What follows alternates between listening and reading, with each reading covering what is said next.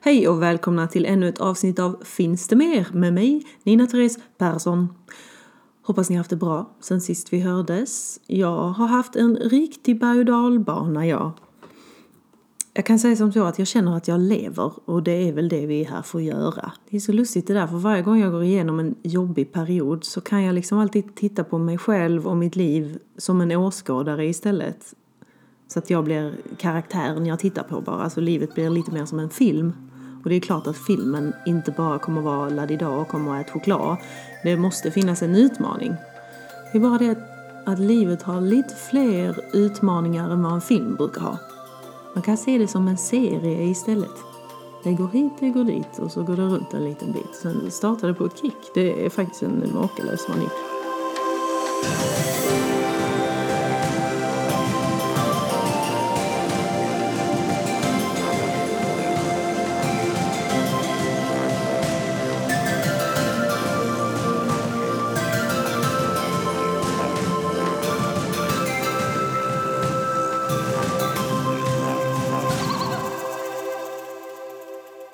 När jag var liten hade jag svårt för att se minsta lilla jobbighet. Jag hade svårt att se liksom barnprogram där de utsattes för någon liten prövning. Lejonkungen ska vi inte prata om. Hur kan man vara så rå? Mörda Mufasa. Som min syrras kompis för övrigt var kär i. Sen skylla det på Simba. Så ska han gå runt med de skuldkänslorna. Nej fy! Jävla skarjävel. Jag minns att jag tyckte att Barbapapa var lagom. Alltså detta var när jag var kanske åtta år, lite för gammal för att kolla på Barbapapa. Men där var det största problemet de stötte på att de inte kom över en bäck. Åh nej, det rinner vatten, hur ska vi komma över på andra sidan utan att bli blöta? Så gjorde Barbapapa sig själv till en bro så familjen kunde gå över och sen var allt frid och fröjd. Ja, vad skönt det var. Jag har extremt svårt för att kolla på nyheterna. Jag suger in människors känslor och liv som en svampajävel och så är jag i de där känslorna sen och kan ha väldigt, väldigt svårt att skaka av mig dem. Det händer att jag, att jag blir svimmig, jag gråter och sprider då, tycker jag, ingen positiv energi till människorna jag har runt omkring mig. Jag ser varje människa som en ring på vattnet och vi sprider oss. Det vi sänder ut var och en sprider sig. Vill du då vara en positiv ring eller vill du vara en negativ? Jag tar in det jag kan av världen och vad som händer i den, men bara tillräckligt för att ändå kunna förbli en positiv ring. Eller i alla fall en ring som kan göra nytta och inte ligger apatisk på köksgolvet och stirrar upp i taket och undrar hur kaffefläckarna kom dit. Det är ingen som har missat vad som händer i Gaza eller i Ukraina för den delen, oavsett om man kollar på nyheterna eller ej. Jag vill bara poängtera hur viktigt jag tycker det är i dessa lägen att tänka hur kan jag hjälpa, inte hur kan jag hata eller vem ska jag hata? Tänk vem kan jag hjälpa? Och en väldigt självklar grej vi kan göra för att hjälpa är att skänka pengar till alla de oskyldiga som utsätts och skadas. Man kan till exempel skänka pengar till Läkare Utan Gränser och det gör man antingen via länken på deras Instagram-sida eller så går man direkt in på www.lakareutangranser.se Granser. ja ni fattar, Läkare Utan Gränser utan ä och klicka på ge en gåva. Och fortsätt hjälpa varann att hjälpa varann. Okej, vi ska lämna vår förvirrande fysiska värld och gå in i det paranormala. Jag tycker det är så otroligt mycket tryggare än vår egen. Love, love, love. Dun, dun, dun, love, love. Sorry, det är så jag skakar av mig klumpar i bröstet. Vi hoppar rätt in i en berättelse från Fia Wikström. Hon skriver, gud vad jag får sms, jag är så poppis. Det skrev hon inte, det var jag som sa det. Hon skriver, Hej Therese. Här kommer en goding till berättelse som hände när jag gick på gymnasiet. Jag kommer från en liten by i södra Hälsingland. Där fanns det tyvärr inga skolor så vi fick åka till den större staden för att studera. Jag började på estetiska vilket gjorde att jag fick gå i en skola två kilometer längre bort än där det vanliga gymnasiet låg, där de hade mer utrymme för bland annat scen och danssal. Det som är lite läskigt med denna skolan är att byggnaden och området förut hade varit ett gammalt psyk. Usch vad det går kalla kårar när jag tänker tillbaka. Det fanns kulverter och det lärde vi oss förra avsnittet vad det var, alltså gångar under jorden som knyter ihop byggnader. De var flera kilometer långa och gick till det nuvarande sjukhuset och även till den nya psykiatrin. Man fick passa sig så man inte tappar bort sig. Vi använde kulverterna för att ta oss till lektionerna, matsalen, våra skåp och till vissa vilorum som fanns på skolan. I vissa gångar kunde man se gamla sjukhussängar stå vid väggen och hur någon har rivit på väggarna och rispat in saker som “hjälp”. Dum som man är när man är liten så spelar jag och mina klasskamrater en dag anden i glaset i ett av vilorummen som låg nere i en kulvert. Jag skulle aldrig spela det idag och jag ber alla som lyssnar på detta att undvika att spela anden i glaset eller ouija. Du vet aldrig vad du kan få med dig eller vem du kontaktar. Vi börjar i alla fall som man gjorde med att tända ljuset, fixa med glaset och med själva pappret som vi skrev bokstäver och nummer på. När det var dags höll vi glaset över ljuset och viskade sedan om det var någon med oss. Glaset rörde sig inte. Vi frågade igen. Glaset började lite försiktigt röra på sig. S, K, A, D, A. Den skrev skada. Anna, säger jag, sluta dra glaset. Jag drar den inte alls, svarar hon tillbaka. Glaset fortsätter. S, T, R, Y, P, A. Den skriver strypa. Detta är inte kul. Den som drar i glaset kan sluta för det är inte kul. Vi skulle vara seriösa, säger jag irriterat. Jag tyckte det blev kallare i rummet. Glaset fortsätter. S, K, A, D, A. Den skrev skada igen. Fy fan. Jag tycker vi ska sluta, sa jag högt. Det är verkligen inte kul längre. De blev lite irriterade på mig och vi avslutade spelet. Vi slutade och gick till vår nästa lektion som var svenska. Jag tänker fortfarande på det som nyss hänt. Det var otroligt obehagligt och känslan följde med mig hela dagen. Nu kanske ni tänker att här tar det slut, men det gör det inte. Dagen efter så kom jag för tidigt till skolan. Vi började egentligen klockan 11 men jag hade åkt med min bonusmamma som började tidigare så jag kom till skolan 9.30. Jag tänkte att jag skulle gå och lägga mig i ett av vilorummen och ta det lugnt innan det var dags för en massa lektioner. Jag la mig till rätta i en av sängarna och slumrade till. Efter en stund vaknar jag med ett obehag i kroppen. Det är något som inte riktigt stämmer. Sakta börjar jag få lite svårt att andas och det kändes som att jag fick två händer runt min hals som sakta började strypa mig. Jag blev helt kall. Jag kunde inte röra mig, kunde inte öppna ögonen, kände bara hur jag började bli mer och mer kallsvettig. Jag försökte skrika med all kraft jag hade men inga ord kom ut. Ett litet hest ljud kom till slut ut från min mun där jag försökte skrika låt mig vara och gå härifrån. Plötsligt så kan jag slå upp ögonen och få luft. Jag märker då att vid fotänden av sängen står en kvinna. Hon bara stirrar på mig. Hon har mörka kläder och mörkt stripigt hår hängandes vid axlarna. Jag viskar, lämna mig i fred. Jag blinkar och lika fort som hon hade dykt upp var hon borta. Plötsligt släpper allt och jag får mer luft och kan röra på mig. Jag kastar mig upp ur sängen, tar min väska och springer ut från rummet så snabbt jag kan. Mitt hjärta rusar i 180. Var det något som vi hade retat upp när vi spelade anden i glaset igår, som sedan hade besökt mig? Jag har berättat denna berättelse för några jag känner och ofta får jag förklarat för mig att det är något som kallas för sömnparalys. I vilket fall så är det ju ett väldigt konstigt sammanträffande, eller hur? Vem vet? Jag kan ju dock säga att jag aldrig gick tillbaka till det där vilorummet och jag har aldrig igen spelat anden i glaset efter den händelsen. Skål på det, Fia!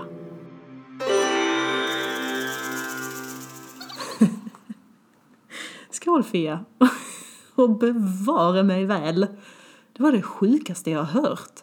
Ja, ja det låter ju som en sömnparalys med att du inte kan röra dig och det där. Men ja, som du säger, det är ju ett konstigt sammanträffande och inte värt, inte värt den risken. Jag är glad att du inte gick tillbaka till vilorummet och jag är glad att du inte spelar anden i glaset igen. Pratar ni aldrig om vad glaset sa? Alltså ni måste ju ha anklagat varandra till höger och vänster om vem det var som skrev strypa och skada. Det, det kommer ni aldrig få hundraprocentigt veta. om det var någon av er som ljög eller om det var en ande. Jag har fått ett mail från Josefin Andersson som först och främst hyllar mig och mitt content och det tycker inte jag är mer än rätt. Hon hade också lite frågor som jag tänkte försöka svara på. Hon skriver Jag fick en fundering när jag lyssnade på ditt senaste avsnitt på podden när du pratade med mediet Sara. Den här biten med att man kan få påhälsningar från sina avlidna släktingar eller guider och så vidare från andra sidan. Jag är själv spirituell och övertygad om att det finns något mer. Men en fundering jag har haft är det här med att man lever ett andra och tredje och femtonde liv och har karma-lektioner med varje liv och så vidare. Så tänkte jag att vi tar min avlidna gammelmormor som exempel nu då. Om hon skulle bestämma sig för att komma tillbaka och berätta något för mig, pausar hon då sitt andra eller tredje liv för att komma tillbaka som den skepnaden som jag känner henne som? Eller min mormor som jag är övertygad om kommer att jävlas med mig ibland, typ gömmer saker för mig och så vidare eftersom hon är hyssens moder och älskar sånt. Sitter hon i någon slags mellanland då och håller koll på mig tills den dagen jag dör och själv kommer till andra sidan så att säga? Kanske lite luddigt och jag är inte världsbäst på att förklara men hoppas du förstår hur jag tänker. Tack för att du lägger ner tid på att göra allt du gör. Med vänliga hälsningar, Josefin. Och alltså först och främst, tack för tacket. Jag känner verkligen din uppskattning och jag uppskattar den. Snälla någon kommer slå knut på tungan här. Jag har ett svar, men jag vet inte riktigt var jag har fått det ifrån. Men så som jag har förstått det så kan man tänka på sin själ som en hel arm, säger vi. Och den själen du har i din kropp nu är kanske inte större än lillfingernageln från hela den där armen. Vad äckligt att jag tänker mig en avhuggen arm, men ni fattar. Min poäng är att din själ är så mycket större än du tror och kan till och med vara nere i olika fingrar och doppa samtidigt. Vad äckligt det lät. Jag menar att din själ kan tekniskt sett vara i två kroppar samtidigt. En del av din själ kommer ändå alltid vara på andra sidan, eller vad man ska säga, och navigera dessa fingertopparna. Om din gammelmormor då är återfödd som en liten bebis i Haparanda så är fortfarande en del av hennes själ kvar på andra sidan och vet att hon också är din gammelmormor och kan komma och säga tjenixen. Jag tror att det här är information jag fått från Dolores Cannon som var en hypnosterapeut och detta är då vad hennes klienter har sagt när de varit i hypnos och haft kontakt med sitt undermedvetna eller andra medvetanden. Jag undrar när dagen kommer då vi ska prata om aliens. Jag slänger ut nu att har du en berättelse om aliens, antingen om du sett den eller kanske känt att du är en, kanske en annan av dina själs fingertoppar, skriv till mig. Nina, T-H-E-R-E-S-E, Persson, at outlook.com eller PM till nina.therese.persson. Jag hoppas att det svarar på din fråga, Josefin. Trodde du inte va, att jag skulle börja prata om en avhuggen arm? Vi går vidare med en berättelse från O. Oh, vad det låter bra. Hej! Kanske inte så uppseendeväckande, men har varit med om några saker jag kan berätta om. Ibland får jag en känsla av att jag kan känna av stämningar i rum och närvaro, men inte mer än något känns skumt-känslan. Inte som på TV där de påstår sig se hur de ser ut och så. Min mosters man dog för 11 år sedan. Till saken hör att han rökte en del. Jag och pappa sitter i bilen hem till Värmland från Dalarna och hade kört utan stopp i en timme när jag säger till pappa Känner du inte? Det luktar cigarettrök. Ingen av oss röker. Han bekräftar lukten och vi förstår båda att det måste vara vår nyss avlidne släkting som hälsar på. Jag bodde i en lägenhet i ett äldre hus förut. Två gånger har jag varit med om tydliga knackningar på dörren.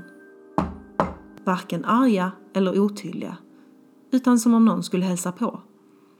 Detta skedde med flertalet månaders mellanrum. Att jag minns som så tydligt var att jag satt i köket som låg nästan i hallen i en liten lägenhet och reste mig upp båda gångerna för att öppna, men ingen var där såklart.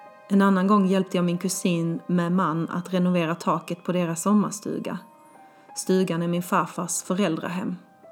Jag har alltid ogillat stället och åker fortfarande inte dit själv.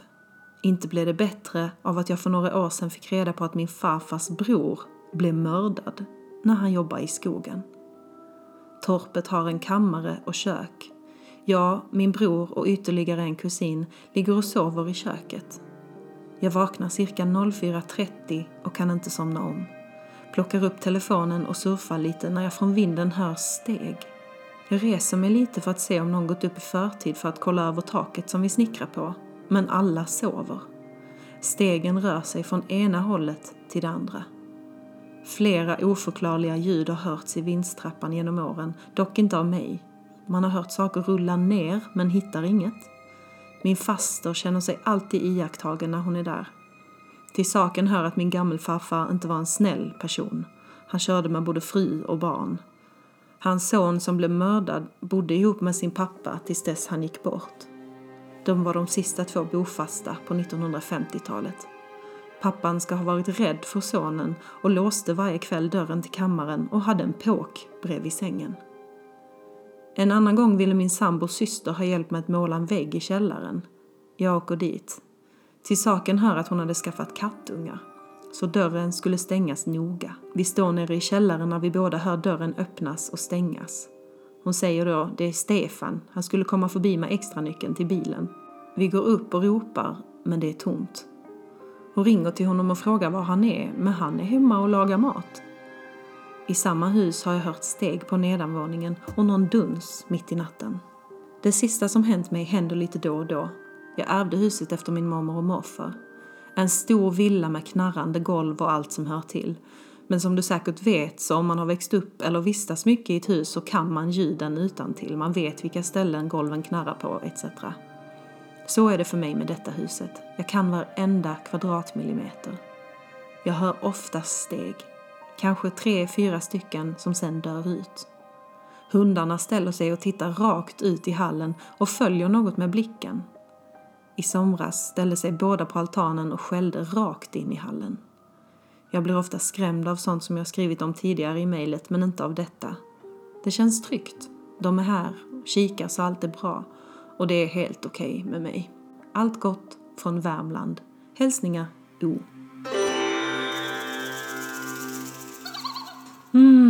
Värmland. Jag älskar Värmland.